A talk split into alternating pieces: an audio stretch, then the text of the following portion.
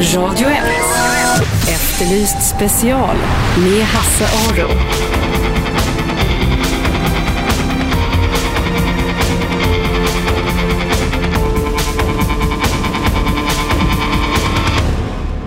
Välkomna hit till Efterlyst special idag, dagen före Lucia. Den här veckan är polisen extra, extra uppmärksam i Stockholm eh, när det gäller nykterhetskontroller. Man gör en extra satsning nu under Lucia-veckan eh, och eh, står på olika ställen i Stockholm. Förra året så återkallades 6 500 körkort på grund av rattfylleri. Och den första januari i år så skärptes tiden för återkallelse av körkort eh, på grund av rattfylleri. Återkallelsen är nu, man förlorar alltså körkortet i ett år eh, Eh, för vanlig rattfylla och två år för grovt rattfylleri. Och sen har man också ett program nu som man kan ansöka om körkort med villkor att använda alkolås istället för att körkortet blir indraget. Och det har 2000 ansökningar kommit in att få alkolås istället för detta.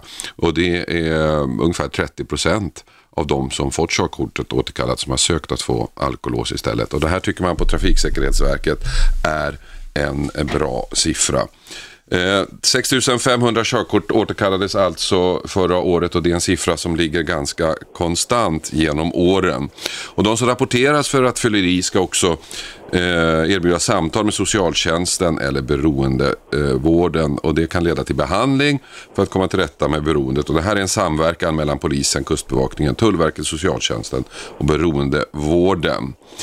Eh, att köra berusad är ingen bra idé, det vet vi ju allihopa. Eh, toleransen är ganska liten, 0,2 promille är inte mycket. Det är tillräckligt lite för att man egentligen ska lämna bilen hemma dagen efter också för att vara riktigt på säkra sidan.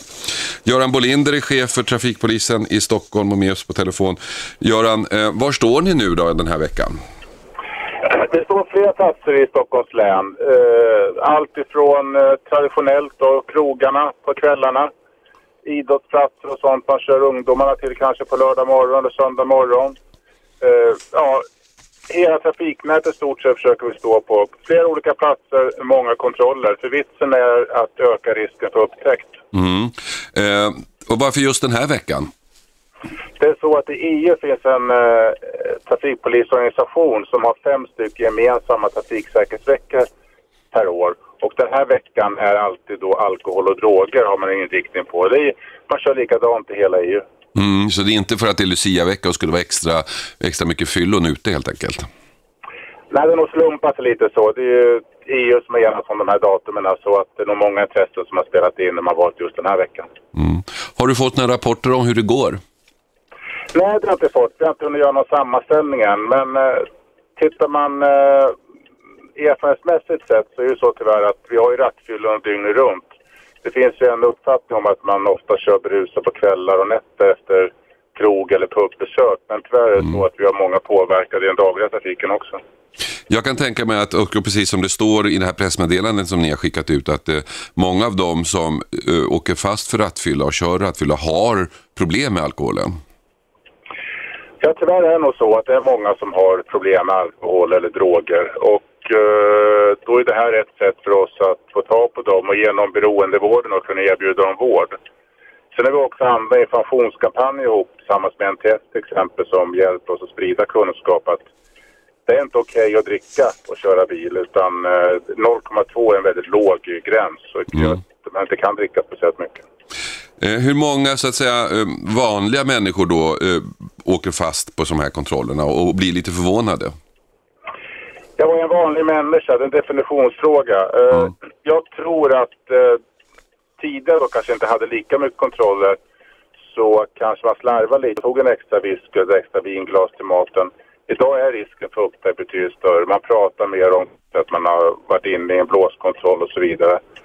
Så jag tror att det avhåller kanske en del från att köra. Det märker vi lite i vår statistik också, att den har minskat lite antalet träff. Mm. Men eh, tyvärr är det så att det sprider hela dygnet. Jag tror att jag under det här året nu, om jag tänker tillbaka, åtminstone fått blåsa tre gånger. Är det så att säga normalt eller har jag uh, haft uh, tur eller otur? ja, det beror på hur man ser på det. Meningen är att vi ska ha väldigt många kontroller på väldigt många olika platser där, man, där vi står oväntat så att säga.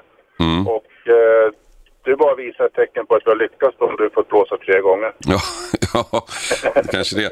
Eh, En annan sak som jag har upptäckt, jag har en sån här um, alkometare själv som jag, jag tror samma typ som ni har. Och att dagen efter, om man har varit på fest, så att dagen efter är nästan omöjligt att avgöra huruvida man kan köra eller inte. Själv, genom att känna efter bara. Ja, och där är ju grundregeln att även om man nu blåser i en alkometer så dels måste man vara säker på att den visar rätt. För de är ju oftast inte kalibrerade utan blandad kvalitet och de säljs. Eh, Så är inte kroppen i skick ändå. Reaktioner, eh, omdömen, så allting som kanske är nedsatt också efter en blöt kväll. Så känner man sig dålig så är det bättre att vänta en dag till. Mm. Men det, det, min erfarenhet är att även om man känner sig okej så är det inte säkert att man är det. Nej, just det. Prata promillegränsen, definitivt. Ofta kan man känna sig att kanske att man känner sig okej. Men 0,2 är en låg gräns och eh, det risken är stor då att man kan gå i taket. Mm. När ska ni sammanställa det här nu, eh, resultatet från den här veckan?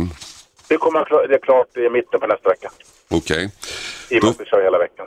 Vet ni om, om den här typen av aktioner har någon effekt? Jag tittar generellt sett så, och det är därför vi har, vi blåser så pass många blås som vi gör. Vi ökade för några år sedan så ökade vi antalet blås dramatiskt inom svensk polis. Och det var just därför att öka risken för upptäckt. Att kör man bil ska man räkna med att man kan bli kontrollerad körkort i bilens skick och sen ifall man är nykter. Mm. Och eh, tittar vi nu då på våra träff då, så har de minskat lite. Och eh, vi tittar ju då på antalet olyckor med berusade förare så har det minskat något också. Och det här är inte på något sätt vetenskapligt bevisat men det finns en allmän uppfattning om att våra mängdblås så att säga har gett den effekten att risken för upptäckt har blivit större och det gör att gemene man tänker sig för och kanske skippa sista visken eller sista vinglaset på kvällen. Hur reagerar folk? Vet du det? När de blir stoppade och får blåsa? det är väldigt blandat. Ifrån de här beroende som ja, är väl medvetna att de har druckit till de här som är totalt oförstående och säger jag drack ju bara ett par glas vin och sånt där. Det var inte alls länge sedan. Men eh, det måste man komma ihåg. 0,2 är en låg gräns och eh, eh, man ska inte chansa. Men det pendlar alltid från de som gör en kalkylerad medveten risktagning till de som inte hade tänkt att det kunde ge utslag. De tycker att de själva drack för lite. Drack för lite. Mm. Så för att vara på säkra sidan så ska man ställa bilen även dagen efter? Ja, det är ett råd. För det är inte bara så att man själv kan rycka illa ut. Det värsta är ifall man kör på någon annan. Ja, precis. Tack så mycket Göran Bolinder från Trafikpolisen i Stockholm som alltså genomför eh, en extra satsning på nykterhetskontroller den här veckan, Lucia-veckan. Och anledningen till att man tar Lucia-veckan är inte för att man eh, tror att det är extra många som är ute och, och kör på fyllan då, utan det är för att eh, det här är någon slags gemensam aktion från, eh, i, inom EU där man har valt ut eh, 12 veckor sa han, ett antal veckor i alla fall och den här veckan är en av dem. 6500 körkort återkallades förra året på grund av rattfylla. Ni lyssnar på Efterlyst special. Radio 1, 101,9 i Stockholm. Eh, idag ska vi träffa en Karin som har en av dem jag har träffat i Stalkers lite senare i programmet. Nu vill jag bara säga att klockan är nu exakt 12, 12, den 12 i 12, 12. Jag ville bara säga det. Ni lyssnar på Efterlyst special, eh, Radio 101,9. Vi är tillbaka efter pausen. Radio 1. Efterlyst special med Hasse Aro.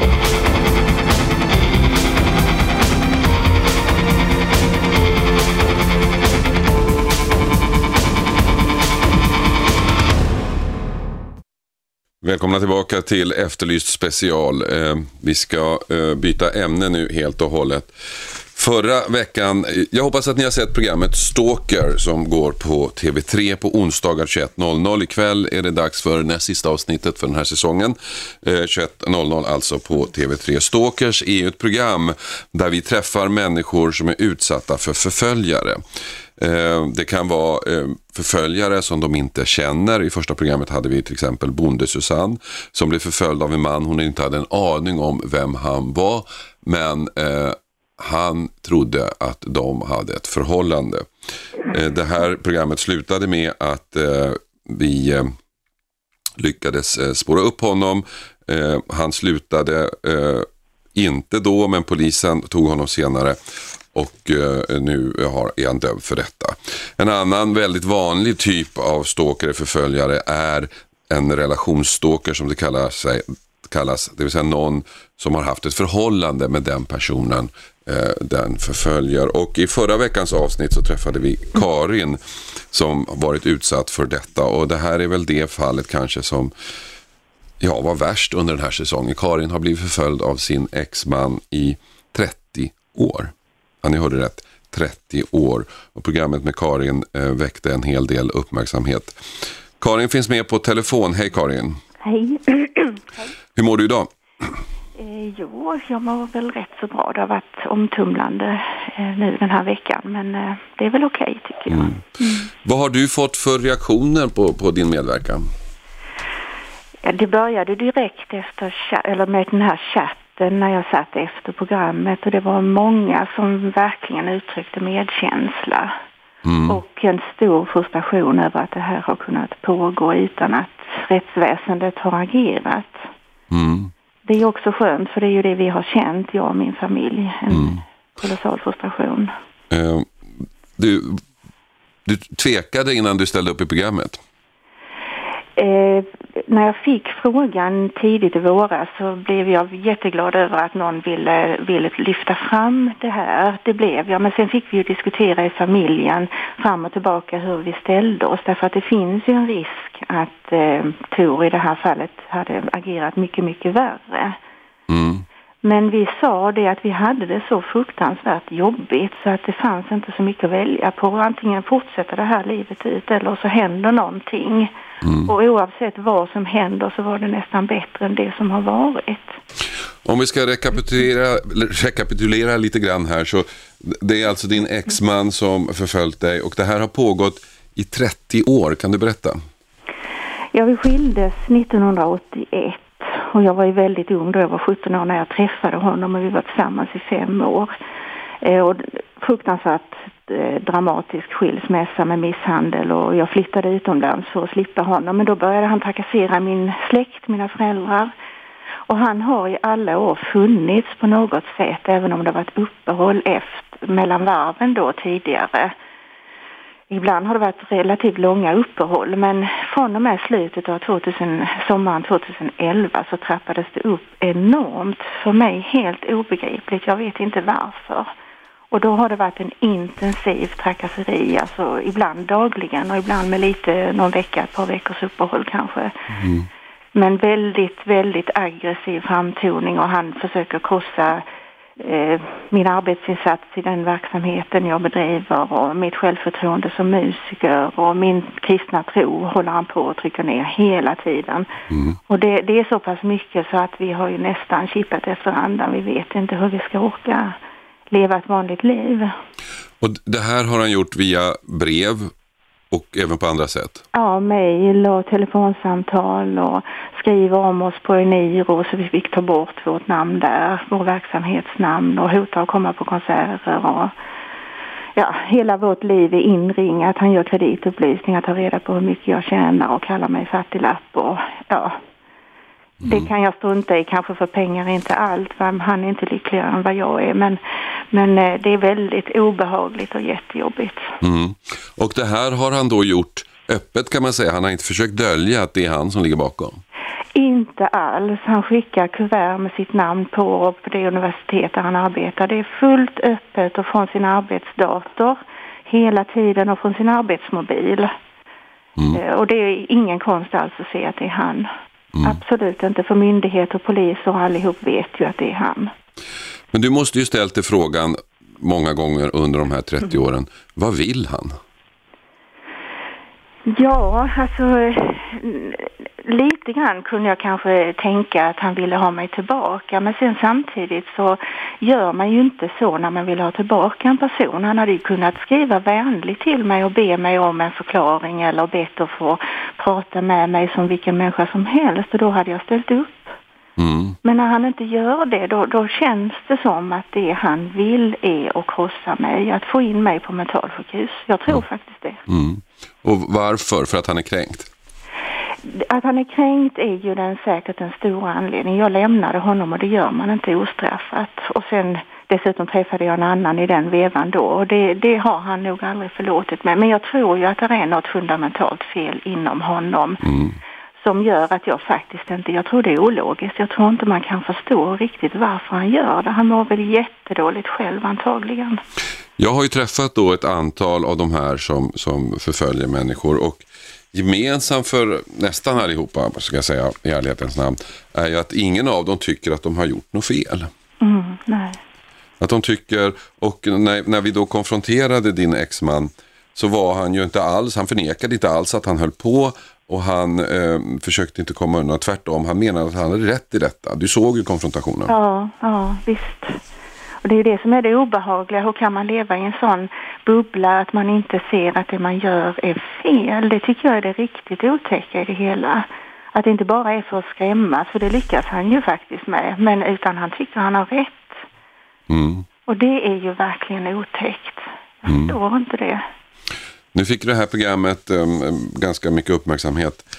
Har det blivit någon skillnad? Har du hört något? Jag har hört. Han håller på att ringa från, han är på sina tjänsteresor utomlands och han ringer utifrån Amerika och har gjort flera gånger ibland på nätterna och jag får dra ur telefonjacket för det hade jag glömt. Han har alltid olika strategier så ibland glömmer jag hur jag ska skydda mig.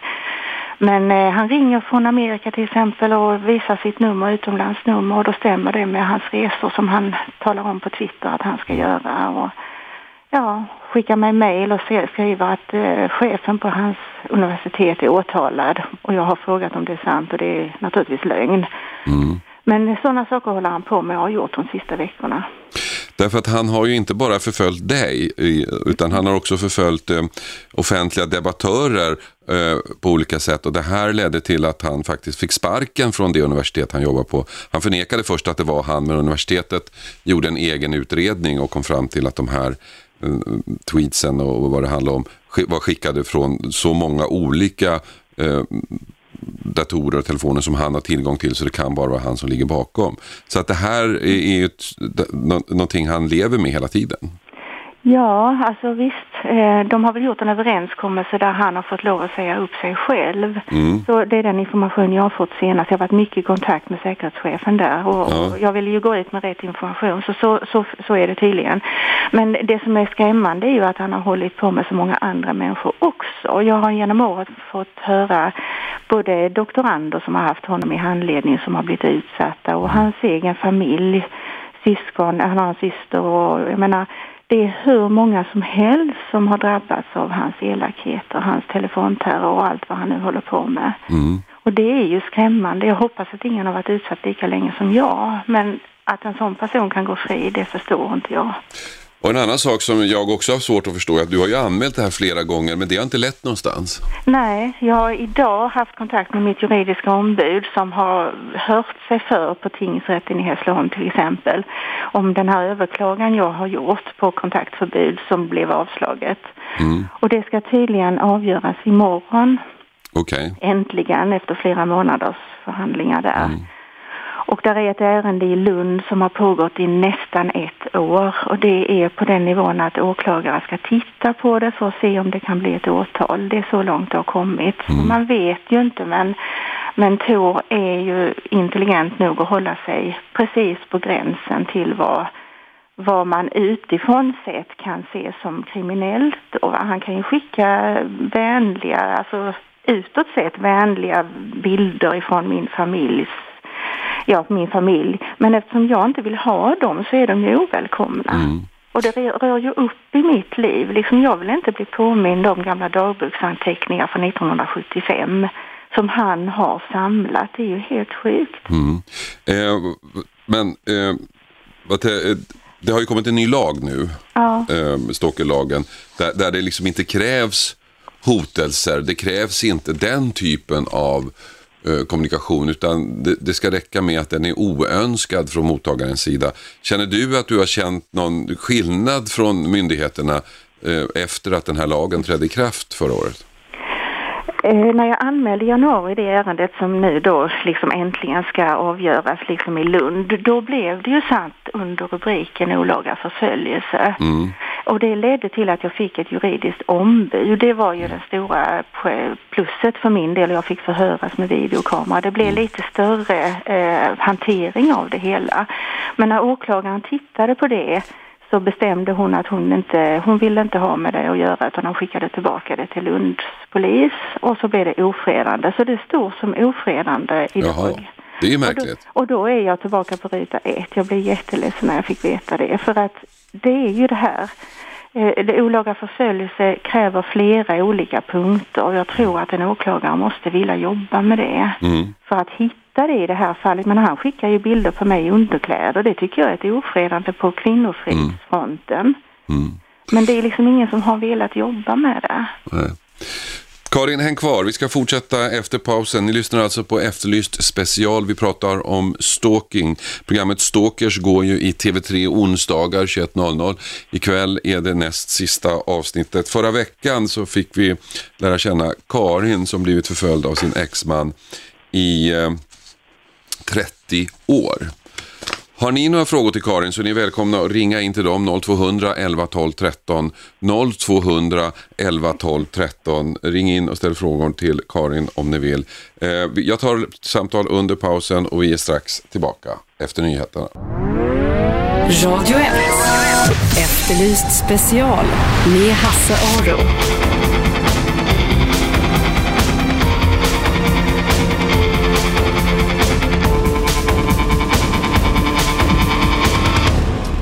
Välkomna tillbaka till Efterlyst special här på Radio 1. Vi pratar om stalking, oönskad förföljelse. Eh, ni har väl sett eh, programmet Stalker som går på onsdagar 21.00 på TV3. Ett eh, program där vi tar upp det här eh, fenomenet, där vi träffar offer och vi konfronterar också de som stalkar, de som förföljer alltså. Ehm, det är jag och så är det Sanna Lundell som är programledare i det här programmet. Förra veckan så berättade vi i programmet om Karin som blivit förföljd av sin exman i 30 år. 30 år. Karin är med på telefon och Karin, igår så efter programmet så, eller förra veckan förlåt, efter programmet så var du med i eh, en chatt, folk fick chatta. Mm. Hur kändes det? Det var väldigt fint tyckte jag att få liksom ha en kommunikation utåt. Det har inte varit så många som har vetat om den här situationen för vår familj. Vi har varit lite försiktiga med att gå ut med det. Mm. Men det här kändes ju väldigt positivt för det var så mycket fina kommentarer jag fick folk som ville stödja och uppmuntra så mycket de kunde och så. Det, det blev jag glad för. Har du känt dig ensam i det här? Mycket mycket ensam. Jag har vänner och så som vill hjälpa, det är inte så va? men det är bara det att det här är så tungt och allvarligt så att, eh, och det tar ju tid. Det här har ju pågått i så många år. Mm. Och det blir ju inte bättre heller. Och det är inte så lätt för omgivningen kanske att eh, orka stödja hur mycket som helst. Alltså man vet ju inte själv eh, hur mycket man kan belasta sin omgivning med. Nej. Jag tror att det är svårt om man inte har varit i situationen att egentligen föreställa sig. Absolut. Det är ju där kunskapen behöver nå ut och det är ju mycket det som är positivt med de här programmen tycker jag. Om ni som lyssnar har frågor att ställa till Karin så är ni välkomna att ringa in på 0200 11 12 13 0200 11 12 13. Ni kan också via vår Facebook-sida, Efterlysts Facebook-sida, eh, facebook.com efterlyst tv3 eller bara gå in och söka efter Efterlyst. På den sidan kan ni också ställa frågor textmässigt om ni vill. Och eh, i chatten som du var med förra veckan så kom det en hel mängd frågor. Eh. Många hann du inte svara på. Jag har några här som jag tänkte att vi kunde prata om kanske. Mm. Eh, en här undrar, eh, alltså bakgrunden är alltså att du har förföljts av din exman i 30 år. Du lämnade honom för 30 år sedan. Eh, eh ett, ett steg som uppenbarligen kränkte honom väldigt mycket. Han har eh, på olika sätt skrivit till dig, trakasserat dig. Han har skrivit långa fruktansvärda brev där han gör ner dig och förklarar vilken nolla du är.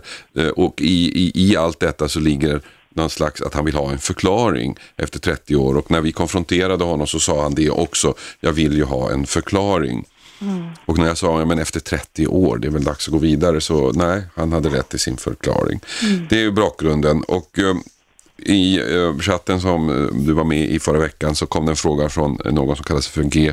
Brukar du själv be honom sluta eller ignorerar du honom? Alltså jag har ju sagt till honom många gånger genom åren bakåt i tiden att jag, när han har ringt och jag eh, av misstag har lyft luren eller så, så att jag inte vill ha med honom att göra, så det vet han. Men sen Mm. är det ju viktigt från polisens sida, om jag nu anmäler honom, att jag inte liksom uppmuntrar honom. Nej. Så att nu kan jag ju inte, jag skulle inte kunna ringa honom hur arg jag än var, för då skulle det kunna räknas som en uppmuntran. Så jag Mm. svarar aldrig. Va, va, men när du då har bett honom sluta tidigare, vad har han svarat då? Han har bara fortsatt att prata och jag har fått lägga på luren och ja, så att det har liksom inte hjälpt och jag har liksom, ja nej jag känner att han respekterar ju inte ett nej. Ingvar undrar om du har svårt att sova på nätterna på grund av rädslan. Absolut. Sista, eh, den här senaste tiden så jag kan inte sova utan sömntabletter och det har drabbat min man också på olika sätt så att eh, vi har haft det jättesvårt. Nina undrar om, har du aldrig funderat på att skriva ett långt brev tillbaka till honom och nedvärdera honom och förklara hur elak han är? Men det har aldrig varit ett alternativ, eller hur? Alltså, jag, som jag sa innan så kan ju inte jag kontakta honom för det skulle ju vändas mot mig och jag vet inte vad han skulle använda det till. Han är ju väldigt smart till och, och, och så och dessutom känns det ju inte som att jag vill gå samma väg som han för det är ju omoraliskt och fel. Verkligen. Det som också gör just det här fallet lite speciellt med din exman till skillnad från de andra vi har träffat, han är ju oerhört väl etablerad i samhället och har en social ställning som, som man skulle kunna tro var viktig för honom. Och ändå risker, han riskerar ju den genom att hålla på så här, men det verkar han inte bry sig om. Nej, det har jag också förvånat mig väldigt mycket över. Men vad jag har förstått på folk runt omkring honom eh, så har han ju betett sig illa mot dem också, även på sin arbetsplats. Så att han verkar ju inte se att det han gör är helt, alltså helt uppåt väggarna. Ni kan ringa in, ställa frågor till Karin 0200 11 12 13. Vem har vi där? Hallå? Hallå, ja hej Hans heter jag. Hej Hans. Jo, jag tänkte föreslå att vi kanske kunde bilda någon slags förening så att vi kunde hjälpa varandra med den här förföljelsen. När du säger vi, betyder det att du också är utsatt? Ja, dessvärre. Hur då? Ja, det är mest förtal och Mm. ingenting handgripligt men det är inte så jävla trevligt ändå. Men är det från en och samma person alltså? Nej, det är nog ehm, från flera tror jag. Mm. Du har ingen aning vad som ligger bakom? Nej, jag tror att det är ett missförstånd. Men jag vet faktiskt inte riktigt.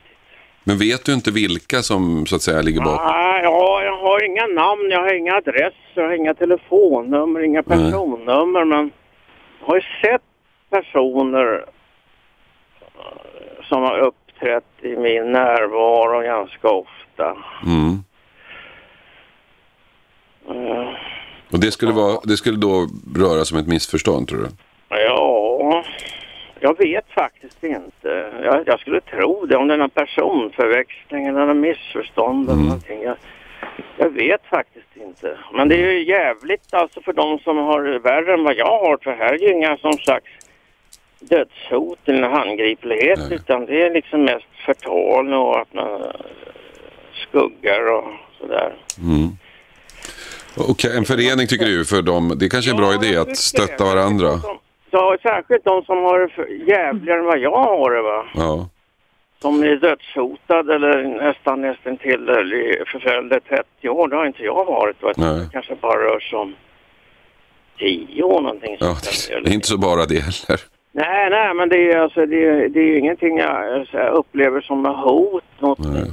Liv eller hälsa eller något sånt där. Men det behöver det ju inte vara, alltså för att eh, i och med den här nya lagen, det ska ju räcka egentligen med att det här förföljandet är, är oönskat från din sida. Så tidigare, Ja, det- tidigare krävdes ju någon slags hot för att det skulle hamna under något lagutrymme, men nu finns det ju ett eget lagutrymme. Ja, nej, men om man i alla fall kunde bilda någon slags förening så att man kunde hjälpa varandra, va? sammansluta sig. Va? Särskilt mot de som är allvarligare hotade. Mm. Man kunde ta i dem först va? så att Ja. man kunde liksom täcka upp varann. Okej Hans, tack för att du ringde. Mm. Tack. Ehm, Karin, ehm, andra frågor som har kommit in på eh, när det gäller då ehm, från din chatt, eller från chatten du hade förra veckan, är en här eh, som vi var lite inne på före pausen, men ändå.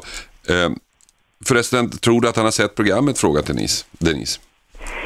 Eh, Jag gissar att han inte har det för han har varit väldigt mycket utomlands nu ända sedan november. Men Mm. jag har, har eh, fått indikationer på att han har trott, han har skrivit i yttrandet till tingsrätten att han nog tror att är efterlyst-programmet det ska finnas med det här lilla inslaget då. Så att, eh, hade han sett det så tror jag han hade gett det till känna på ett starkt sätt. Ja. Någonting förstår han ju att det är. Det gav han ju liksom tecken på i, efter konfrontationen. Ja, han kände igen mig när, jag, när, när vi konfronterade honom. Det Ja, var ju tydligt. ju. Ja, absolut. Och han blev ju väldigt upprörd och så här. Så att han förstod ju att någonting var på gång. Men, men han har ju inte gett några riktiga signaler på att det har gått. Men han kommer ju hem till Sverige någon gång framöver skulle jag tro. Och då får han väl nys om det. Det måste ju vara kollegor och andra som Mm. upplyser honom, tycker man.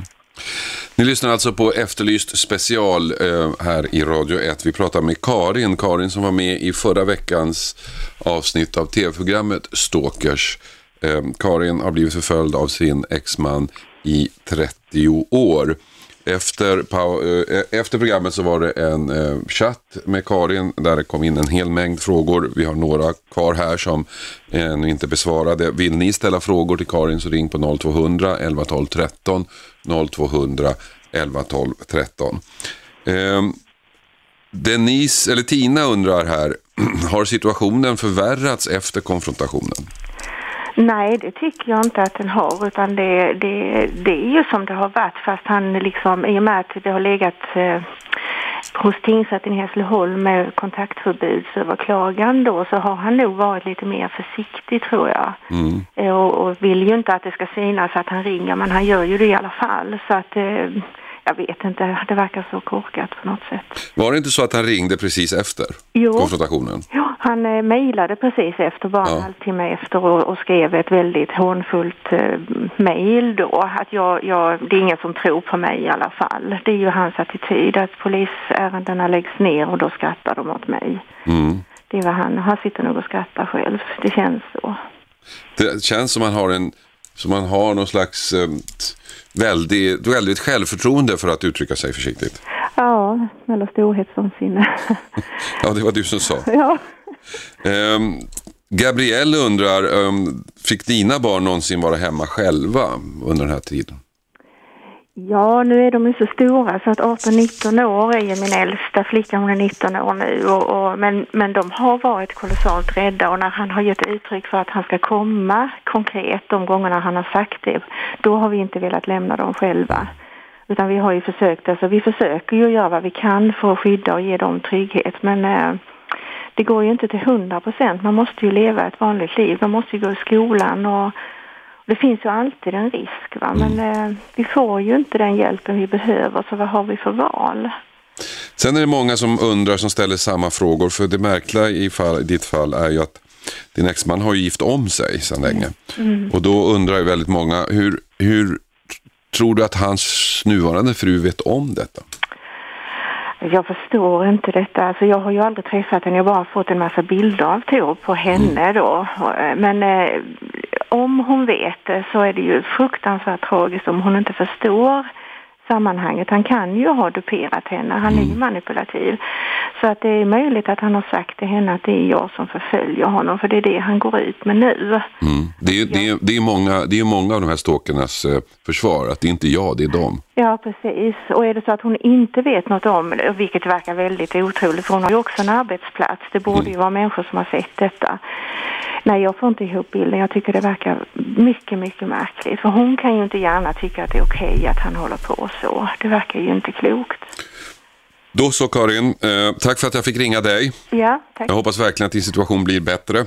Ja, tack ska du ha. Eh, ni lyssnar alltså på Efterlyst special, eh, Radio 1, 101,9. Vi har just pratat med Karin som var med i förra veckans tv-program Stalkers.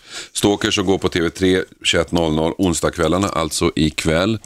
Kolla gärna på programmet ikväll. Efter programmet så kan ni prata, eh, chatta med Peter Jonsson som är expert på just det här med stalking och säkerhet. Så 21.00 TV3 ikväll. Eh, radioprogrammet tar en liten paus för reklam, men vi är tillbaka alldeles strax. Radio 1. Efterlyst special med Hasse Aro.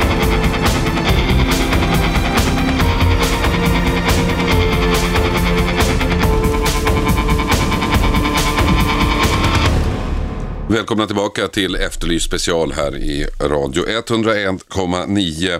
Har ni fastnat i en nykterhetskontroll när ni varit ute och kört bil den här veckan så är det ingen slump för trafikpolisen genomför just nu en extra drive i Stockholm för just ökat antal eh, nykterhetskontroller och det här är ett led i ett eh, EU-samarbete så att man har valt den här veckan är mera en slump än att det är Lucia-veckan. 2011, förra året, så återkallades cirka 6500 eh, körkort på grund av rattfylleribrott i Sverige. Och eh, den 1 januari i år så skärptes tiden för hur länge man blev utan eh, körkort. Nu är det ett år för rattfylleri och två år för grovt rattfylleri. Man alltså blir av med körkortet. Men dessutom har man infört en möjlighet att ansöka om alkolås till sin bil istället för att eh, eh, få körkortet indraget. Och av de här 6500 som eh, fick sitt körkort indraget så ansökte ungefär 2000 att få ett alkolås istället och 1400 har bifallits hittills i år. Eh, så ser det ut. Så, och den här veckan så är det alltså extra stor eh, risk, eller chans hur man nu ser det, att fastna i en nykterhetskontroll. Göran Bolinder är chef för trafikpolisen i Stockholm. Jag pratade med honom tidigare i programmet och frågade mer exakt var de står i Stockholm just den här veckan. Det står flera platser i Stockholms län. Eh, allt ifrån eh, traditionellt och krogarna på kvällarna, idrottsplatser och sånt man kör ungdomarna till kanske på lördag morgon och söndag morgon. Eh, ja, hela trafiknätet stort sett försöker vi stå på. Flera olika platser, många kontroller. För vitsen är att öka risken för upptäckt. Mm. Eh, och varför just den här veckan? Det är så att i EU finns en eh, trafikpolisorganisation som har fem stycken gemensamma trafiksäkerhetsveckor per år. Och den här veckan är alltid då alkohol och droger har man en inriktning på. Det är, man kör likadant i hela EU. Mm, så det är inte för att det är Lucia-vecka och skulle vara extra, extra mycket fyllon ute helt enkelt? Nej, det har nog slumpat lite så. Det är ju Som har enats om de här datumen så att det är nog många intressen som har spelat in när man valt just den här veckan. Mm. Har du fått några rapporter om hur det går? Nej, det har jag inte fått. Vi har inte hunnit göra någon sammanställning än. Men eh, tittar man eh, erfarenhetsmässigt sett så är det så tyvärr att vi har ju rattfyllon dygnet runt. Det finns ju en uppfattning om att man ofta kör berusad på kvällar och nätter efter krog eller pubbesök. Men tyvärr är det så att vi har många påverkade i den dagliga trafiken också. Jag kan tänka mig att, och precis som det står i det här pressmeddelandet som ni har skickat ut, att eh, många av dem som eh, åker fast för rattfylla och kör rattfylla har problem med alkoholen. Ja, tyvärr är det nog så att det är många som har problem med alkohol eller droger. Och eh, då är det här ett sätt för oss att få tag på dem och genom beroendevården och kunna erbjuda dem vård. Sen har vi också andra informationskampanjer ihop tillsammans med NTS till exempel som hjälper oss att sprida kunskap att det är inte okej okay att dricka och köra bil utan eh, 0,2 är en väldigt låg gräns så mm. man inte kan dricka speciellt mycket. Eh, hur många så att säga eh, vanliga människor då eh, åker fast på de här kontrollerna och blir lite förvånade? Jag var en vanlig människa, det är en definitionsfråga. Eh, mm. Jag tror att eh, tidigare då kanske inte hade lika mycket kontroller så kanske man slarvade lite och tog en extra whisky eller extra vinglas till maten. Idag är risken för upptäckt betydligt större. Man pratar mer om att man har varit inne i en blåskontroll och så vidare. Så jag tror att det avhåller kanske en del från att köra. Det märker vi lite i vår statistik också, att den har minskat lite antalet träff. Mm. Men eh, tyvärr är det så att det sprider hela dygnet. Jag tror att jag under det här året nu, om jag tänker tillbaka, åtminstone fått blåsa tre gånger. Är det så att säga normalt eller har jag uh, haft um, tur eller otur? ja, det beror på hur man ser på det. Meningen är att vi ska ha väldigt många kontroller på väldigt många olika platser där, man, där vi står oväntat så att säga. Mm. Och eh, du bara visar ett tecken på att du har lyckats om du fått blåsa tre gånger. Ja, ja kanske det. Eh, en annan sak som jag har upptäckt, jag har en sån här um, alkometare själv som jag, jag tror samma typ som ni har. Och att dagen efter, om man har varit på fest, så att dagen efter är nästan omöjligt att avgöra huruvida man kan köra eller inte. Själv, genom att känna efter bara. Ja, och där är ju grundregeln att även om man nu blåser i en alkometer så dels måste man vara säker på att den visar rätt. För de är mm. oftast inte kalibrerade av blandad kvalitet och de säljs. eh, så är inte kroppen i skick ändå. Reaktioner, eh, omdöme, allting som kanske är nedsatt också efter en blöt kväll. Så känner man sig dålig så är det bättre att vänta en dag till. Mm. Men det, jag- det, min erfarenhet är att även om man känner sig okej så är det inte säkert att man är det. Nej, just att prata promillegränsen definitivt. Ofta kan man känna sig att kanske att man känner sig okej. Men 0,2 är en låg gräns och eh, det risken är stor då att man kan gå i taket. Mm. När ska ni sammanställa det här nu, eh, resultatet från den här veckan? Det kommer det är klart i mitten på nästa vecka. Okej. I och med att vi kör hela veckan. Vet ni om, om den här typen av aktioner har någon effekt? Jag tittar generellt sett så, och det är därför vi har, vi blåser så pass många blås som vi gör. Vi ökade för några år sedan så ökade vi antalet blås dramatiskt inom svensk polis. Och det var just därför öka risken för upptäckt. Att kör man bil ska man räkna med att man kan bli kontrollerad körkort i bilens skick och sen ifall man är nykter. Mm. Och eh, tittar vi nu då på våra kräftor då, så har de minskat lite. Och eh, vi tittar ju då på antalet olyckor med berusade förare så har det minskat något också. Och det här är inte på något sätt vetenskapligt bevisat men det finns en allmän uppfattning om att våra mängdblås så att säga har gett den effekten att risken för upptäckt har blivit större och det gör att gemene man tänker sig för och kanske skippa sista visken eller sista vinglaset på kvällen. Mm. Så alltså Göran Bolinder som är chef för trafikpolisen i Stockholm. Detta med anledning av att eh, polisen i Stockholm genomför extra många nykterhetskontroller den här veckan mellan den 10 och 16 december. Det är ett slags eh, samverkansprojekt med EU och har ingenting med Lucia att göra även om veckan kanske var ovanligt väl vald. Efterlyst special är slut. Imorgon hörs vi igen. Lucia är det imorgon. Jag tänkte att det skulle prägla sändningen en aning. Hoppas ni lyssnar då. Eh, nu är det reklam, nyheter och sen Cissi Wallin. 101,9 Radio 1. Sveriges nya pratradio.